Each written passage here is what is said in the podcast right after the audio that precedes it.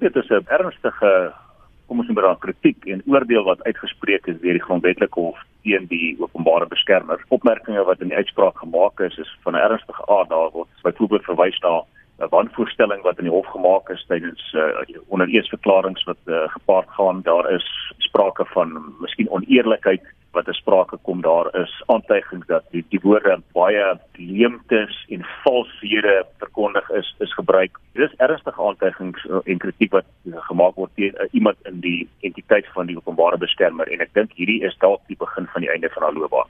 Kan jy vir ons verduidelik wat is die verskil tussen die minderheidsuitspraak en die een wat gehandhaaf is?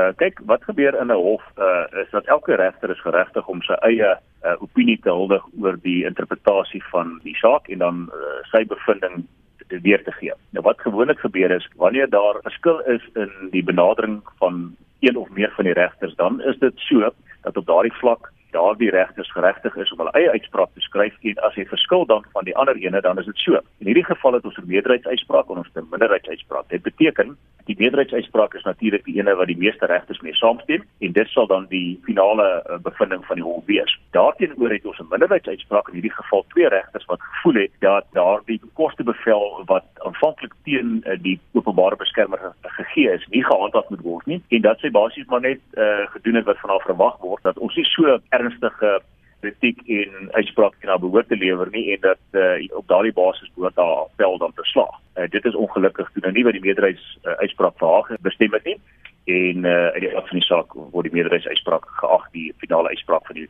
grondwetlike hof te wees. Die hof het skerp kritiek gelewer dat die openbare beskermer kwade gevoelens teenoor die Reserwebank het. Sê die hof dus dat sy sukkel om onpartydig te wees? Dit is 'n uh, vellende uitsprake wat duidelik na vore gekom het uit hierdie uitspraak van die grondwetlike hof. Kyk, die hele saak was aanvanklik uh, beredeneer hier in ek dink die 18de November verlede jaar maar of meer in die grondwetlike hof en toe is daar alreeds bevind dat sy persoonlik aanspreeklik moet uh, opdoen vir die vir die reskoste of 'n gedeelte daarvan ten minste 15% tot iets van die aard. Daar is die enigste aspek wat uit die aard van die saak toe opgeëindig het in die grondwetlike hof. Op al die ander uh, vraagstukke, die briete van die saak, die argumente, die feitelike bevindinge het sowel die aanvanklike hooggeregs of soos die uh, as ook die hoogste hof van appel in Bloemfontein geweier om verlof te gee om te appeleer. En slegs op hierdie een aspek, naamlik die persoonlike koste bevel, het sy die geleentheid gehad om hulle tot ander insigte te probeer oortuig. En self dit het nie gewerk nie. Dan is dit duidelik dat uh, jy weet uh, soveel regters wat op uh, allerlei vlakke alreeds hierdie die saak van Bankorp en Absa oorweeg het. Dis net eenparig op die uiteinde van die saak wat beteken jy weet hulle is glad nie beïndruk gewees met die wyse waarop sy haar posisie as openbare beskermer gehandhaaf het. Watter implikasies hou die konstitusionele hof se beslissing in vir die OB se kantoor?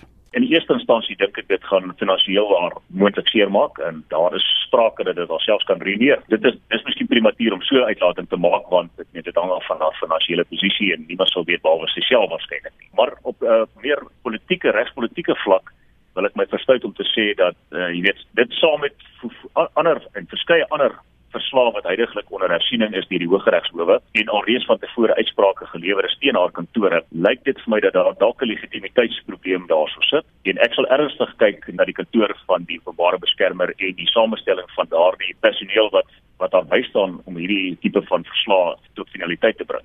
Kyk, sy daarom nie uh, net op haar eie nie.